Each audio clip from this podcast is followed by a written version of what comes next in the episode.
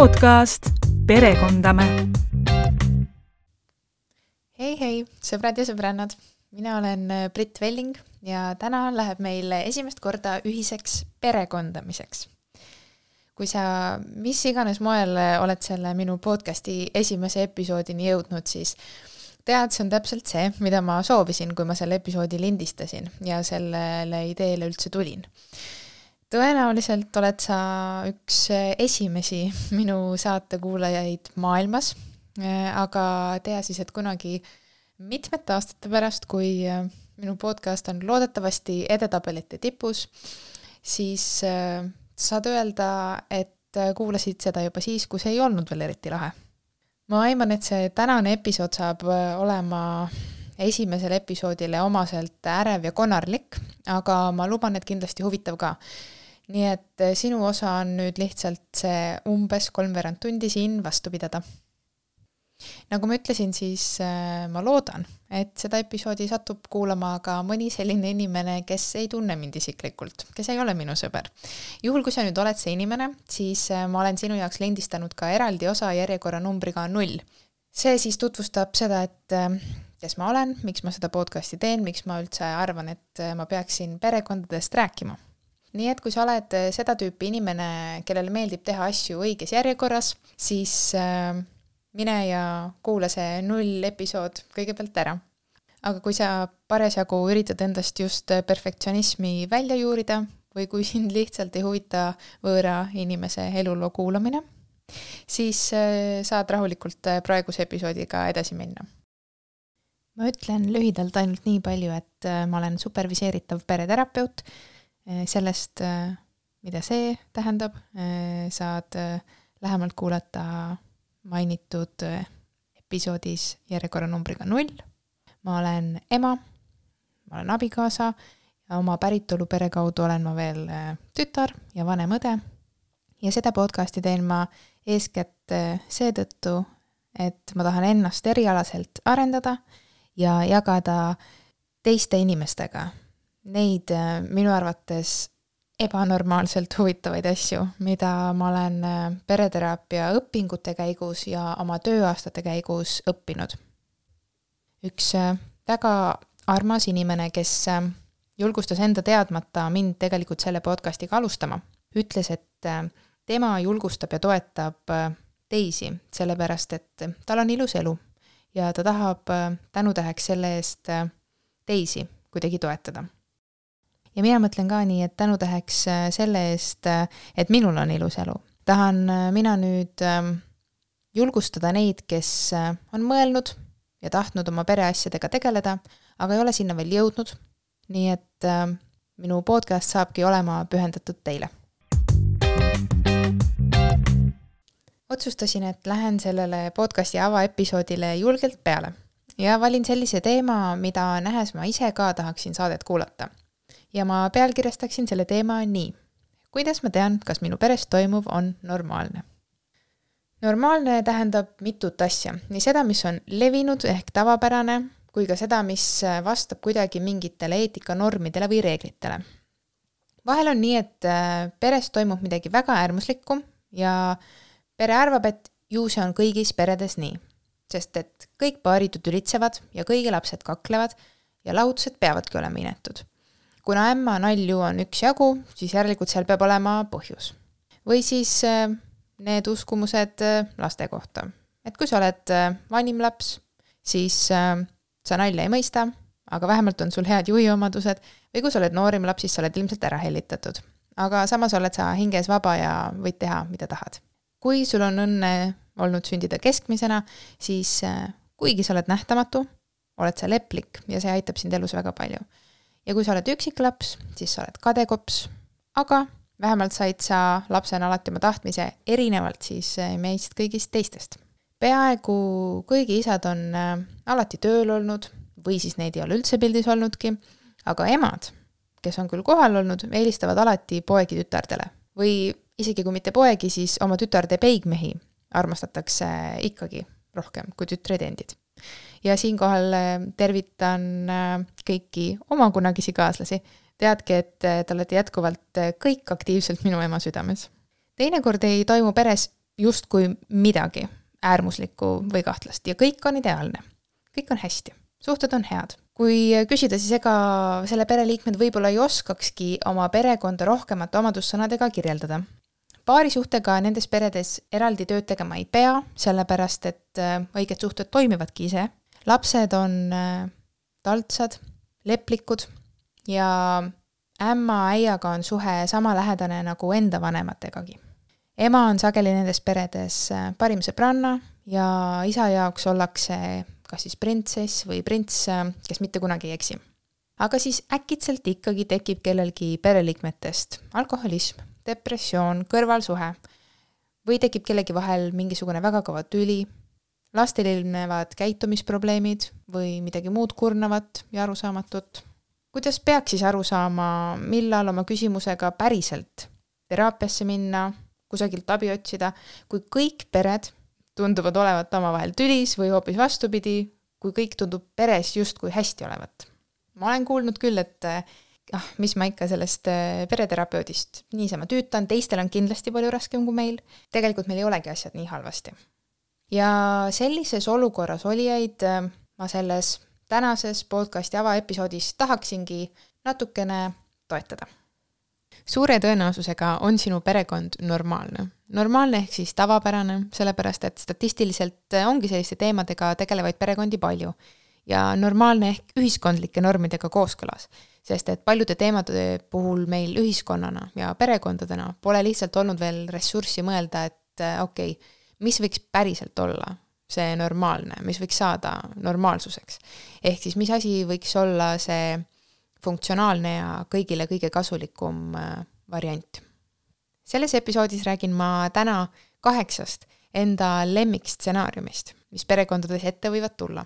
lemmikud seepärast, et need ongi ühiskondlikult ja statistiliselt äh, normaalsed, aga kõigi nende puhul võiksid omavahelised suhted, kui nendega tegeleda, minna paremaks. suhtlus võiks minna mõnusamaks, sa võiksid hakata päriselt oma peresuhteid nautima ja elu võiks minna lihtsamaks. mõlemad äärmused, nii see meie lapsed kaklevad iga päev kui ka see äärmus, et me ei tülitse mitte kunagi, on pikas perspektiivis kurnavad. ja kui elu muid raskusi ei lao õlgadele, siis võimalik, et tegelikult pered harjuvad nendega elama ja elavadki õnnelikult oma elupäevade lõpuni, nagu muinasjutus.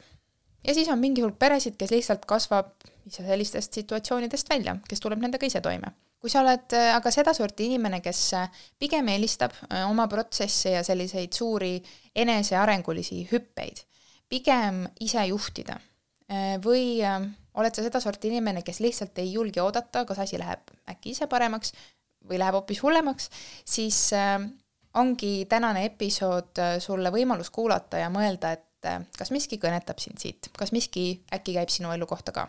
Nagunii algab teraapia teraapiaruumis ka sellest alati, et me võtame sellise kõrvalseisja positsiooni ja hakkame analüüsima, et äh, mis äh, minu perekonnas siis ikkagi tegelikult toimub.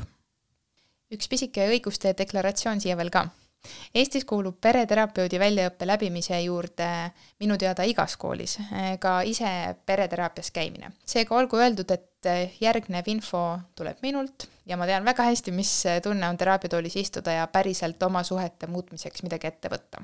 nii et ka mina ise olen selliste stsenaariumite üks äh, osatäitjaid olnud. nii et kaheksa stsenaariumit, mille jaoks äh, on pereteraapia justkui loodud.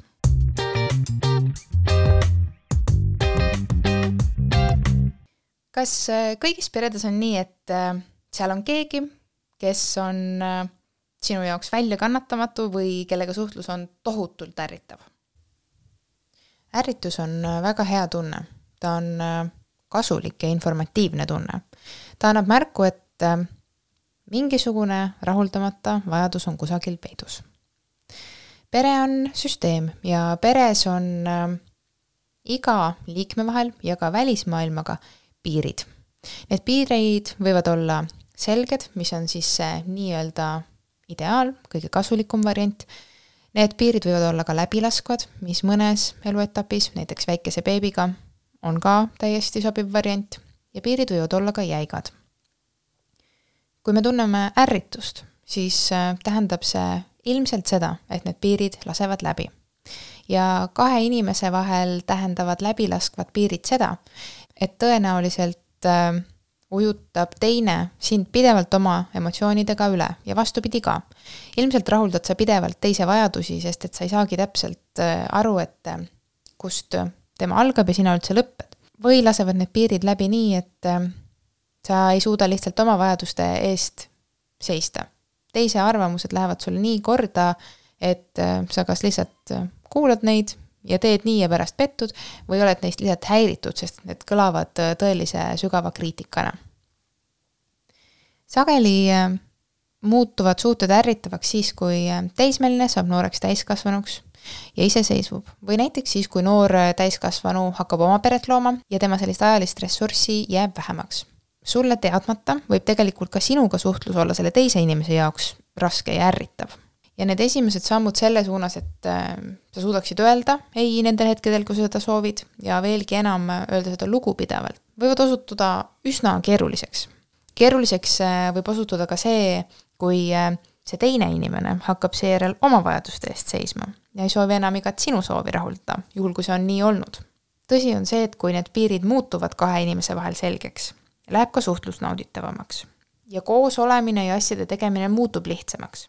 aga seesama endale kindlaks jäämine, oma jala maha panemine, oma vajaduste eest seismine ja sealjuures lugupidavaks jäämine, teise reaktsioonidega toimetulemine võib päris kõva pingutust nõuda seetõttu ka see mõte, et äh, see on üks nendest teemadest, äh, mis on ideaalne pereteraapias äh, ettevõtmiseks.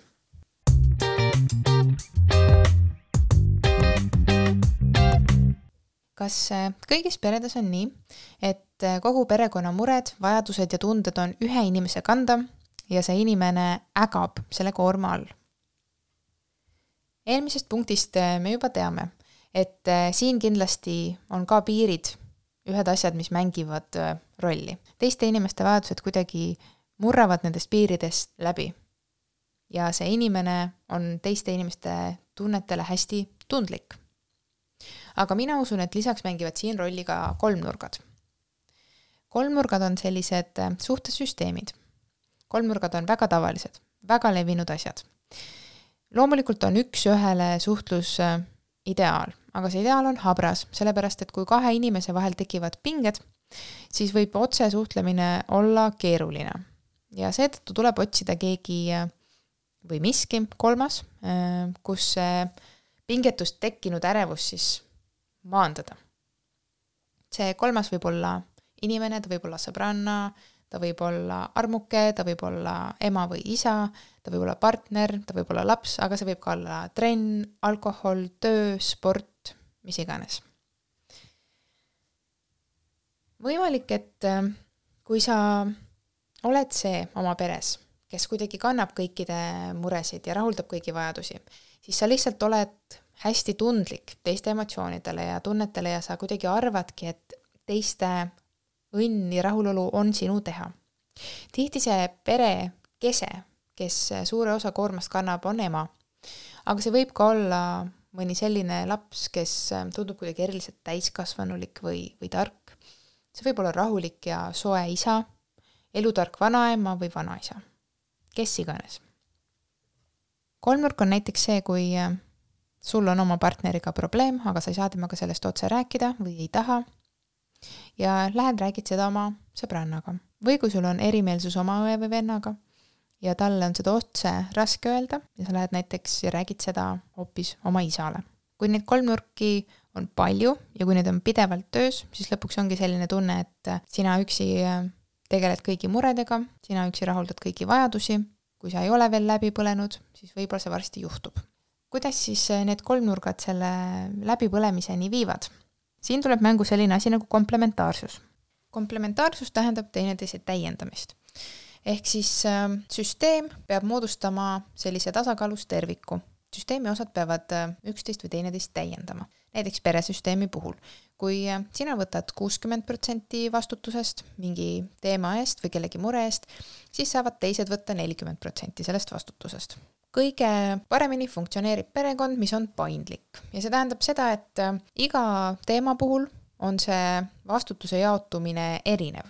See sõltub siis sellest, et kellel on parasjagu mingi konkreetse teema osas reaalne kompetents ja teadmised ja oskused, kui stressirohke periood kellegi elus on, kui palju ta suudab vastutust võtta, see tähendab, et üks inimene mõnes asjas võib tõesti vastutada enamuse eest, aga teises teemas on tal üsna väike roll. Kui sa nüüd äh, mõtled tagasi selle episoodi teemale, ja mõtled tagasi sellele konkreetsele stsenaariumile, siis me räägime inimesest, kelle kanda on peres kõik mured, kes vastutab kõigi tunnete eest ja kes selle koorma all ägab. mis mina arvan, et siin olukorras võib olla juhtunud, on see, et see inimene on nii paljudes erinevates kolmnurkades, et see vastutus on läinud tasakaalust välja. ja mida rohkem see inimene vastutust võtab, seda rohkem talle seda ka antakse kui ta võtabki selle kuuskümmend protsenti, siis teised saavadki võtta nelikümmend, siis võtab tema juba seitsekümmend, ta näeb, et teised on vähem aktiivsed, siis teised jätavad ka talle rohkem, võtavadki ainult kolmkümmend protsenti vastutusest ja nii edasi. lõpuks aga juhtub nii, et äh, mida kauem sa kedagi süles kannad, seda nõrgemaks tema jalad jäävad. ehk et äh, kui sa seda vastutust teiste eest pidevalt võtad ja teiste suhteid proovid vahendada, loomulikult head tahtes, proovid neid aidata, proovid teiste muresid kuulata, siis seeläbi teised äh, omavahel asju ei aja ja nende konflikti lahendusoskused tegelikult jäävad välja arendamata. Ja selles loomulikult on täpselt sama palju vastutust nii nendel, kes äh, tulevad seda kolmnurka otsima, tulevad otsima seda kolmandat, kes äh, nende ärevust maandaks, kui siis ka see kolmas nurk, kes siis tuleb ja kuulab seda muret ja, ja alati seda ärevust äh, maandab. kunagi siis seda inimest suunamata tagasi selle poole, kellega tal see konflikt alguses üldse tekkis. seega, kui sa oled täna tõesti ägamas selle koorma all sa näed, et mingil põhjusel sa oled teiste tunnetele ja tülidele ja kurbusele hästi tundlik ja sa tahad neid aidata ja sa isegi võib-olla tunned, et sa pead aitama ja see ongi sinu vastutus, näiteks sa oled ema või isa, siis äh, tegelikult on inimestel vaja oma muresid ka otse ära lahendada. ja sinu kohalolu ei ole alati vajalik. aga see ei ole nii lihtne, seda ei ole praktikas nii lihtne kohe töösse võtta see nõuab päris suurt äh, mustrite murdmist ja see tekitab kindlasti ebamugavustunnet, kui sa oled harjunud kedagi aitama ja siis ühel hetkel tunned, et sa tahad talle öelda ei, sest sa ei jaksa. tahe selle aitamise juures ja selle taga on ju tegelikult hea. sa tahad aidata, sa tahad, et sinu pereliikmetel oleks lihtsam ja mõnusam. sa tahad ärevust maandada ja see kõik on täiesti loogiline. aga kui me mõtleme, et pikas perspektiivis peab pere suutma käia kaasa nende muutustega, mida elu toob, peab arenema, siis äh, on lihtsalt vajalik, et inimesed õpiksid ise oma konflikte lahendama. on vaja, et äh, me seisaksime oma vajaduste eest, seaksime neid piire, vaataksime, kas me ikka saame selle koormaga hakkama, mis meile peale on laaditud. ja seetõttu ma arvangi, et see on selline väga hea ja selge teema, äh, millega just pereteraapia võtmes tegeleda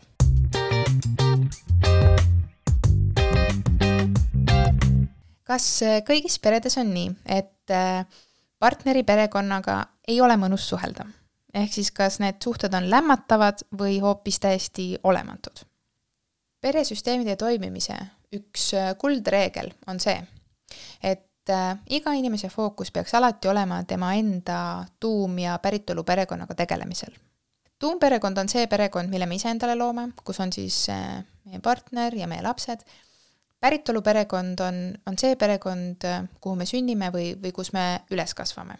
Need suhted äh, meie partneri perekonnaga ei pea olema tingimata lähedased, aga need peavad olema lugupidavad, austavad. nii et kui sa tunned, et sa tahad väga tegeleda oma partneri peret puudutavate suhetega, siis äh, esimene selline küsimus iseendale võiks olla see, et äh, kas on miski, millega tegelemist ma äkki ise väldin ja see miski on siis äh, tõenäoliselt suhted sinu enda perekonnas. miks üldse peaks tegelema oma äh, päritolu pere teemadega? Äh, kui nende teemadega ei tegeleta, siis need varem või hiljem hakkavad välja lööma selles tuumperes. laias laastus on nii, et outsiderite peale on kergem vihastada kui insiderite peale. Insiderid on siis ütleme sellised vereliini sugulased ja outsiderid on näiteks meie hõimlased siis, ütleme nii näiteks äh, ämmal on äh, palju kergem olla pahane oma minija peale, tema siis võtab ära temalt selle aja, mis tal varem oma pojaga koos oli. palju raskem on ämmal siis tunnistada seda, et poeg ise tegelikult on otsustanud oma emale vähem tähelepanu pöörata ja tegeleb oma tuumpere loomisega. siin ei ole mõtet otsida süüdlast, sest et äh, jällegi üks äh, selliseid äh, pereteraapia aluseid on see, et probleem ei ole mitte inimeses, vaid suhtes. aga selle konkreetse näite puhul, kui siis see ämm oma vajaduse eest seista ei oska või ta ei saagi täpselt aru, mis temaga toimub, siis järgmine inimene, kes võiks aidata seda selgeks teha, võiks ikkagi olla tema enda poeg, mitte siis äh, minija. probleemid, äh, mis meil on oma partnerite peredega suheldes, saavad ikkagi alguse lahendamata teemadest nende perekonna sees ja need lihtsalt mängitakse välja siis äh, suhtes ämmade, äiade, minijate ja väimeestega. vahel ka suhetes lastelastega. kui nendesamade päritolu pere teemadega me igaüks oma peres ise ei tegele, siis äh, need lihtsalt äh, löövad äh, ühel hetkel meie tuumperes välja. Seega tasub julgelt ikkagi pereteraapiat katsetada, enne kui sa hakkad oma minijat või väimeest või oma ämma või äia teraapiasse kutsuma, siis mõtle sellele, millised on suhted sinu enda lähima pereringi sees, millised on sinu suhted oma vanematega oma partneriga, oma lastega.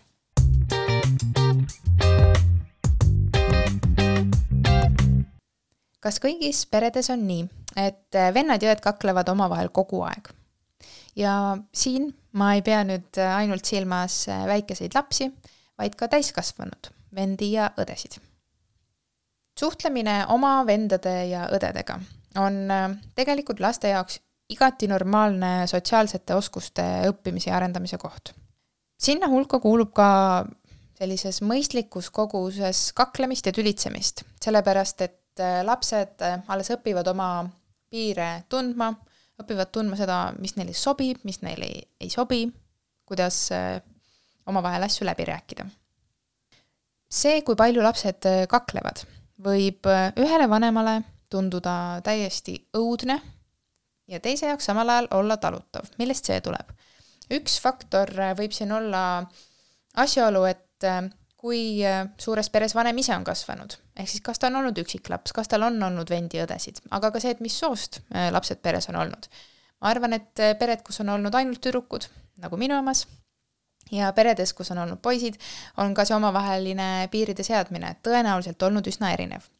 aga minu kogemus ütleb, et üksiklaps on äh, oma laste kaklemisele tundlikum kui laps, kes on ise pärit perest, kus tal oli siis ka üles kasvades vendi ja õdesid. Aga kusagil ikkagi tõesti tekib see piir, kus äh, saab öelda, et lapsed kaklevad pidevalt. üks äh, süsteemse pereteraapia selliseid põhialuseid on see, et lapsed pole kunagi halvad. seesama, mida ma enne ütlesin, probleem ei ole inimeses, probleem on suhtes. lapsed äh, on enamasti lihtsalt oma vanematele lojaalsed. seega äh, tasub äh, nende alatihti kaklevate laste puhul vaadata seda omavahelist suhet, mis vanematel on, ja üldist olukorda peres, ehk siis stressitaset, lastega suhestumist, mitte siis niivõrd neid lapsi ilma kontekstita. Näiteks võib olla tekkinud selline olukord, kus kummalgi vanemal on nii-öelda oma laps, ehk siis äh, laps, kes tülides hoiab tema poole, kes äh, teda, ma ei tea, lohutab, kes äh, vanemaga lihtsalt rohkem samastub või kellega vanem ise rohkem samastub. ja kes seetõttu kuidagi on sattunud olukorda, kus ta vastandub seeläbi oma õele või vennale. või siis on peres juhtunud nii, et need rollid, mis igaüks saab siis sünnijärgselt, see, kes on vanim laps, see, kes on keskmine, see, kes on noorim, need äh, kuidagi ei vasta sellele reaalsusele.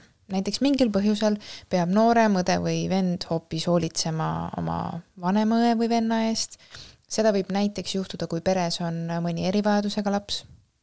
veel üks variant on see, et üks pere lastest peab teiste eest hakkama hoolt kandma sest mingil põhjusel ühte või mõlemat äh, vanemat pildis ei ole. ja ka see on äh, üks põhjus, miks äh, lastel tekivad omavahel konfliktid. selle asemel, et suhestuda siis üksteisega samal tasemel, laste tasemel, siis üks laps on teistest hierarhia mõttes justkui hoopis kõrgemal positsioonil. see võib teistes tekitada pahameelt, küsimusi, konflikti see järjekord, äh, kuidas me sünnime, ikkagi annab meile mingisugused äh, omadused ja eeldused ja minu kogemus näitab, et äh, kui nad ei vasta nendele rollidele, mida me päriselt peame igapäevaselt täitma, siis see on üks koht, kust otsida neid selliseid intensiivsete omavaheliste konfliktide või hoopis suhtlemise puudumise põhjuseid. aga eks neid põhjuseid, miks lapsed on pidevalt omavahel vaenujalal, on veelgi kui äh, vanem äh, alati lastega suhtleb kui niisuguse ühe tervikuna, ehk siis äh, aega veedetakse kõik koos, siis võib mõni laps näiteks tunda sealjuures puudust sellisest individuaalsusest, üks-ühele ajast, ja see konflikt võib jällegi laste vahel kuidagi väljenduda. nii et neid variante tegelikult on päris palju, aga ma arvan, et see on pigem hea. saab järjest hakata neid välistama ja jõuda siis selleni, milles siis päriselt äh, asi võib olla. perekondame. oleme jõudnud oma kaheksa stsenaariumiga poole peale. Äh, räägime täna siis äh, sellistest olukordadest, mille puhul või kus olles võib tekkida küsimus, et kas kõigis peredes on nii. ja kui ei ole, ja isegi kui on, siis kas on midagi sellist, millega võiks saada pereteraapiast abi? kas on midagi sellist, millega tegeleb pereteraapia? Ja viies äh, selline stsenaarium on siis järgnev. kas äh, kõigis peredes on nii, et äh, lapsed valivad oma vanemate vahelistes tülides pooli või siis neilt oodatakse seda? ja see punkt on jällegi jätk eelmisele. kui nüüd lapsed omavahel veel tuliselt ei kakle või kui see laps, kes valib poolt, on hoopis näiteks ainus laps peres, siis ma arvan, et seda tasub igaks juhuks võtta sellise ohumärgina, kui laps proovib äh, nendesse tülidesse sekkuda. loomulikult mingil hetkel see on ka normaalne, et laps äh, tahab vanemaid lepitada, aga siis ongi vanema koht öelda, et äh, me mõistame, et see konflikt tekitab sinus praegu ärevust ja muret, me üritame oma erimeelsused lahendada viisakalt, aga see ei ole sinu roll praegu meid omavahel lepitada ja seda olukorda lahendada. me saame sellega ise hakkama. igal lapsel on sõltumata sellest, mis vanuses ta parasjagu on, on ta siis väike laps või lasteaialaps, koolilaps, varateismeline, hilisteismeline või ta on juba noor, kes tegelikult tahaks äh, pesast välja lennata. tal on tohutult äh, ülesandeid igas oma arenguetapis. vahel on need ülesanded iseseisvumine, vahel on see sotsiaalsete suhete loomine, äh, rääkimata sellest, mis puudutab kooli, ühel hetkel ka juba oma suhteid. ja ta ei saa nendele arenguülesannetele keskenduda kui ta peab äh, tegelema oma vanemate konfliktide vahel olemisega. see on üks põhjus, miks äh, vanematevahelistesse tülidesse sekkumine, seal selline poole valimine on ohtlik. aga poole valimine võib olla potentsiaalselt äh, lapse jaoks ka lihtsalt haiget tegev ja kurnav sest et bioloogiliselt on äh, iga inimene viiskümmend protsenti oma emast ja viiskümmend protsenti oma isast tulnud. kui nüüd laps on sunnitud või ta ise tunneb, et ta peab kuidagi seda poolt valima, siis äh, see justkui rebib ta nagu lõhki. ta seeläbi kuidagi on ka konfliktis mingi osaga iseendast. laps on lojaalne oma vanematele, seega kui on vaja, siis ta ilmselt valib selle poole. see lapse poolt antav abi võib olla ärevust äh, maandav see on ka üks kolmnurk, millest me teises punktis juba rohkem rääkisime. aga see tegelik probleem vanemate vahel ei saa lahendust. küll aga eh, võib juurde tekkida mõni uus probleem, kas siis laste vahel, kui nad valivad, eks ole, erinevate vanemate pooli, või probleem lapsega, sest et eh, see eakohastele tegevustele ja arengule mõeldud ressurss, mis lapsel on, on siis kulunud vanemate aitamisele. räägime ka täiskasvanud lastest kas nemad peaksid oma vanemate erimeelsustes valima pooli ja oma arvamust avaldama? poole valimise osas on vastus jällegi ei. täiskasvanud lapse ressurss, nii emotsionaalne kui siis ka ajaline ressurss, peaks kuluma oma paarisuhte, ma ei tea, kas siis leidmisele või selle tugevdamisele, see side, mis on suhet looval täiskasvanul oma partneriga, ei ole veel nii tugev ja vastupidav nagu see side, mis inimesel on reeglina oma vanematega. ja kui see täiskasvanu nüüd on pidevalt oma vanemate teemade vahel, siis ta tugevdab küll seda suhet oma vanematega, aga see ressurss tuleb siis tema enda paarisuhte arvelt ja nagu me ka teises punktis rääkisime, siis mida rohkem ta aitab oma vanemaid, seda rohkem vanemad ka tema abi vajavad ja seda vähem need vanemad ise õpivad leidma viise, kuidas oma erimeelsustega toime tulla. kui nüüd peres on juba ka lapsed, siis neil on oma vanema ressurssi kindlasti vaja, kindlasti vaja rohkem, kui äh, seda vajavad siis tema vanema vanemad. seega, kui sina oled laps Äh, kas siis täiskasvanud laps või elad sa alles kodus ja sa tundsid ennast siin ära või sa oled vanem, kelle laste käitumine selle kirjeldusega klapib, siis äh, tasub pereterapeudiga nõu pidada. ilmselt te jõuate jälile, millest see olukord tekkinud on ja kuidas siis oleks võimalik lastele selgeks teha, et te tulete vanematena ise toime. või siis, kui ei tule, siis pereterapeut aitab ka sellega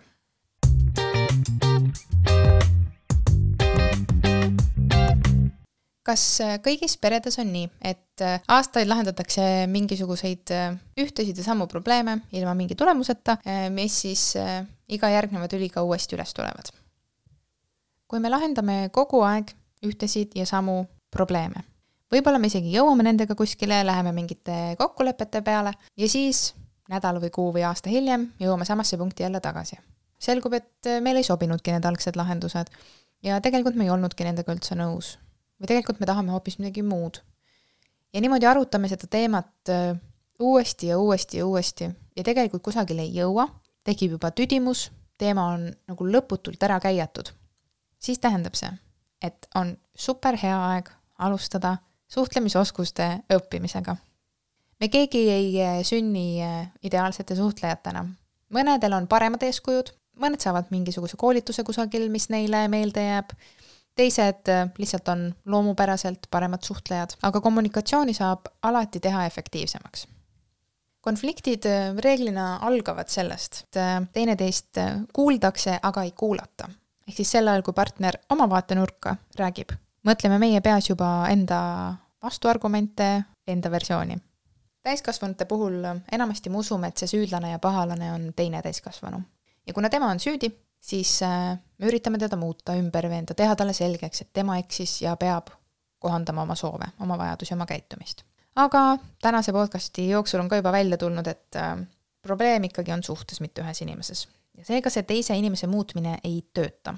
kahjuks on äh, see küll üks selline teraapia absoluutne tõde, et muuta saab ainult iseennast. ja kuna mõlemad arvavad, et süüdi on teine, siis sellistes olukordades, kus mingisugused konfliktid mitte kunagi lahendust ei leia, hakkabki äh, tööle selline nõiaring, kus äh, üks arvab, et teine on süüdi, teine arvab, et esimene on süüdi ja sedasama sellist konfliktimustrit lihtsalt käiatakse aastaid. suhtlemisoskusi tegelikult äh, saab õppida ka mujal kui teraapias. Eestis viiakse läbi näiteks sellist asja nagu Gordoni perekool, mis keskendub suhetele lastega, aga see on ülihästi kohandatav ka täiskasvanutele ja näiteks töökeskkonda. alustada saab kindlasti selliselt koolituselt. täiskasvanutele paaridele on mõeldud veel ka näiteks prep-koolitus, mis ka suhtlemisteemadega tegeleb. teine pool nendest konfliktidest on ootused, mustrid, meile omased käitumisviisid, mis äh, meiega kusagilt kaasa tulevad, eelmistest suhetest ja lapsepõlvest ja mis ka rolli mängivad. ja ma arvan, et see on äh, nüüd see osa, millega saab siis pereterapeut aidata. veel pole ma kuulnud kellestki, kes äh, kahetseks oma suhtlemisoskuste arendamist ja kui sa neid asju ka kohe käiku ei oska lasta, siis juba see, et sa saad üldse aru, mida sa teed, kui sa oma partneriga suhtled ja see ebaõnnestub, on ka juba ülisuur samm.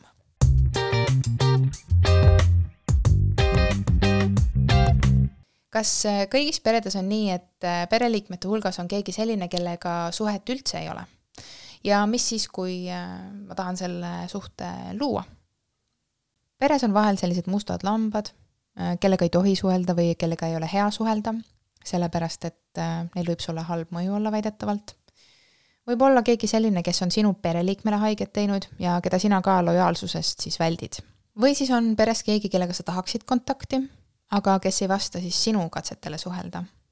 veel sellisem väljakutsuvam variant, et on keegi, keda sa tahaksid teada, aga sa ei tea isegi tema nime, sa ei tea isegi seda, kas ta on üldse veel elus on võimalus, et sa oled kellegagi ise konflikti sattunud ja leidnud, et ähm, valutum on see suhe täiesti läbi lõigata, kui proovida neid erimeelsusi selgeks rääkida, oma tunnetes aus olla. või siis on keegi sulle haiget teinud ja, ja sa ei tea, kas ja kuidas temaga üldse edasi suhelda. Sageli ajavad tülli hoopis rahateemad, näiteks pärandus, või siis on mingisugused suhted, mille puudumine on ühiskondlikult rohkem aktsepteeritav, näiteks kui sa ei tea, tunne oma poolvendi või poolõdesid, siis üldiselt selle peale väga ei imestata. ja võib-olla sa ei ole tänaseks ise ka veel aru saanud, enda jaoks osanud selgeks mõelda, et äh, kas see sind häirib, et sul mingit suhet ei ole või on see tegelikult äh, sinu jaoks okei okay.. niisiis ühel hetkel tekib mõte, et äh, äkki see, et seda suhet ei ole, ikkagi ka mõjutab mind kuidagi. ja siis võib tekkida järgmine mõte, et hea küll, ma tahan selle suhte luua. siis võib juhtuda nii, et keegi perest on vastu proovib ka sind ümber veenda või siis sa näiteks kardad, sellepärast et äh, see inimene, kellega sa tahaksid suhte, kas luua või taasluua, on kuidagi negatiivselt meelestatud, kättesaamatu või siis sul on eetilised dilemmad. on juhtunud midagi sellist, mis paneb sind kahtlema, et äh, kas see tegelikult on äh, okei okay ja turvaline ja hea, kui sa selle suhte uuesti lood. vahel mingisugused suhted taastuvad ja tekivad täiesti iseenesest. näiteks lapse sünd minu arvates on äh, üks selline sündmus, mis äh, tõesti muudab väga paljut ja paneb inimesi uuesti mõtlema, mida nad tahavad oma elult. aga oluline mõte on ka see, et kui me ei tunne oma lähedasi, siis ega me ei tea paljud ka enda kohta ja mida lähedasem äh, see inimene on, kellega meil suhe täiesti puudub, seda suurem tükk on meil tegelikult puudu ka enda mõistmise jaoks. et saada aru, miks me oleme sellised, nagu me oleme, miks me käitume nii, nagu me käitume miks meie eludes tekivad sellised pinged, nagu meil tekivad. aga ka miks ma olen just nendes asjades hea, milles ma olen hea. miks ma, miks mul on sellised tugevused, nagu mul on. Ja miks ma kõigele keerulisele vaatamata ikkagi olen siin, kuulan seda perekonnateemalist podcasti ja mõtlen, et okei okay,, ma tahan midagi muuta. kust see jõud tuleb? nagu ma täna rääkisin, siis peresüsteemi paindlikkus on hästi oluline aspekt, et pere tuleks elu poolt pakutavate väljakutsetega toime, suudaks liikuda pereelu ühest etapist teise. ja selleks, et paindlik olla, on vaja ressurssi. seesama paindlikkus, mida meil on äh, erinevates eluetappides vaja. vaja, kui me tahame saada teismelisest täiskasvanuks, vaja, kui meie laps läheb äh, esimest korda lasteaeda. see paindlikkus vajab ressurssi igasugust ressurssi, energiat, aega, raha ja nii edasi. aga selline suhe, mida meil ei ole, võtab emotsionaalset ressurssi ära.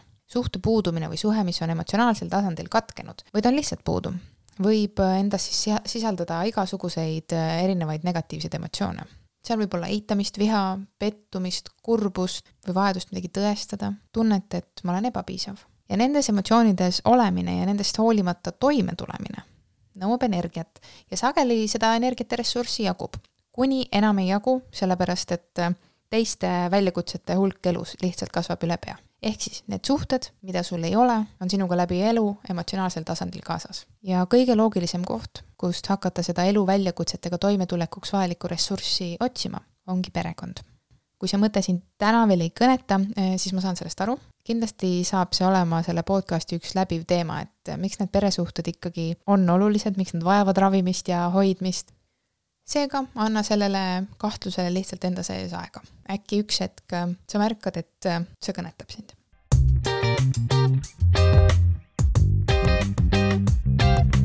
ja olemegi jõudnud meie tänase viimase kaheksanda stsenaariumini ja see kõlab väga lihtsalt.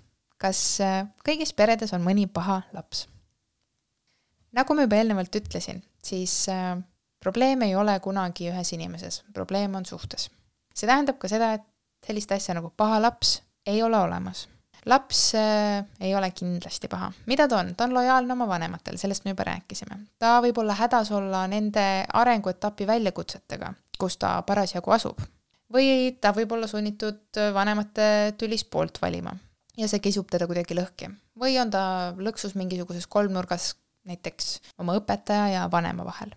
ehk siis on palju raskusi, mida laps võib kogeda ja mis võib tema käitumist mõjutada. küll aga ei ole laps ise kunagi paha. mina arvan, et see arusaam muudab elu kergemaks, mitte raskemaks, sellepärast et kui me usume, et asi on teises inimeses ja asi, et asi on ühes inimeses ja et me suudame teisi muuta, siis äh, niimoodi on läbi elu ikka väga raske minna. raske sellepärast, et seda ei juhtu. me lihtsalt üritame ilma tulemuseta uuesti ja uuesti. Aga kui sa usud, et asi on suhtes ja sa saad ise midagi muuta, siis see muudab elu kergemaks. palju mõnusam on äh, saada teada, et mina ise saan ka midagi muuta.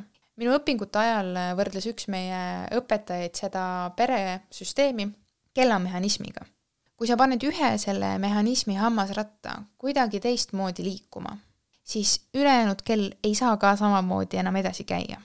see kehtib pere kohta ka, pere on ka süsteem, kui üks muutub, ei saa teised samamoodi edasi tegutseda. Neil ei jää mitte midagi muud üle, kui ka ennast kohandada. aga sellest kõigest tuleb kindlasti juttu juba minu podcasti järgmistes episoodides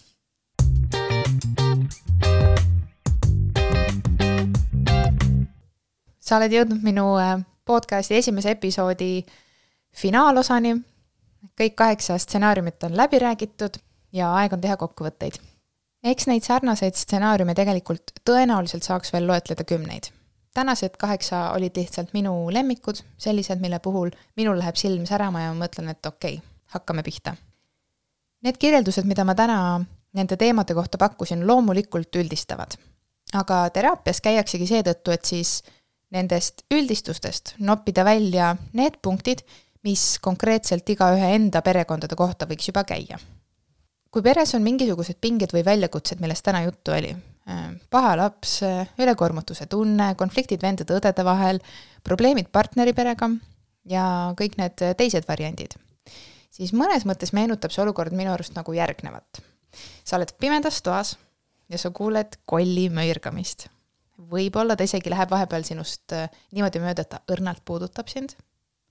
võib-olla sa näed teda korraks, äh, kui mõni valgusvihk tuppa paistab, aga üldpildis sa tegelikult ei tea, mille või kellega on tegu. igatahes sa tunned tema kohalolu, aga sa ei saa midagi ette võtta.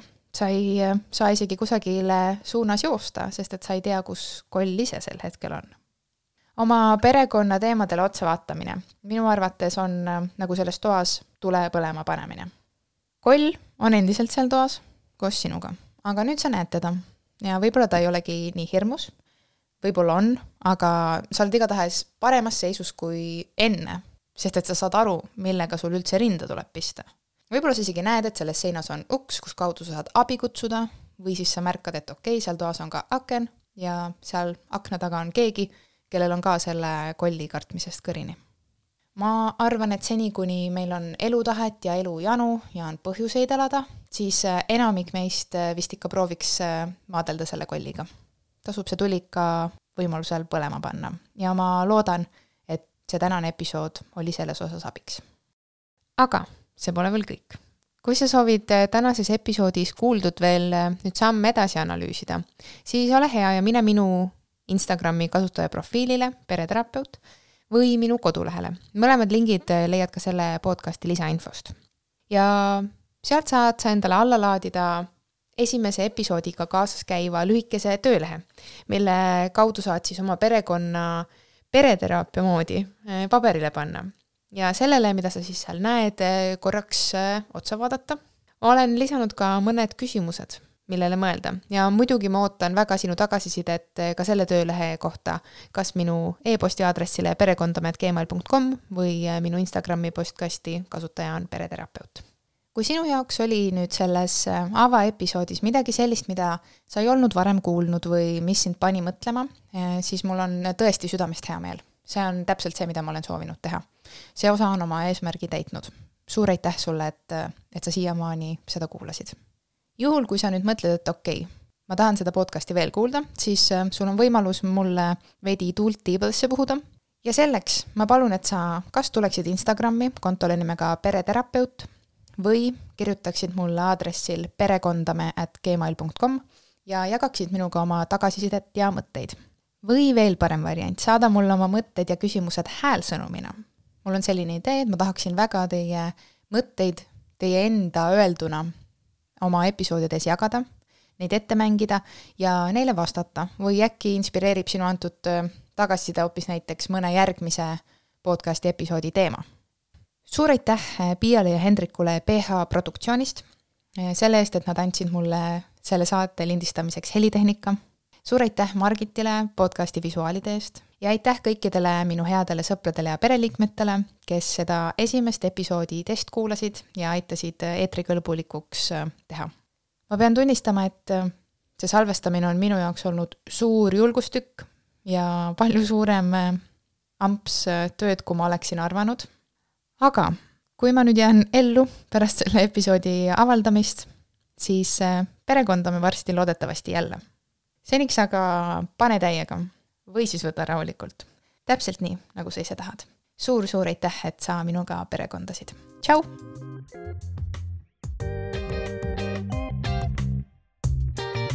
podcast Perekondame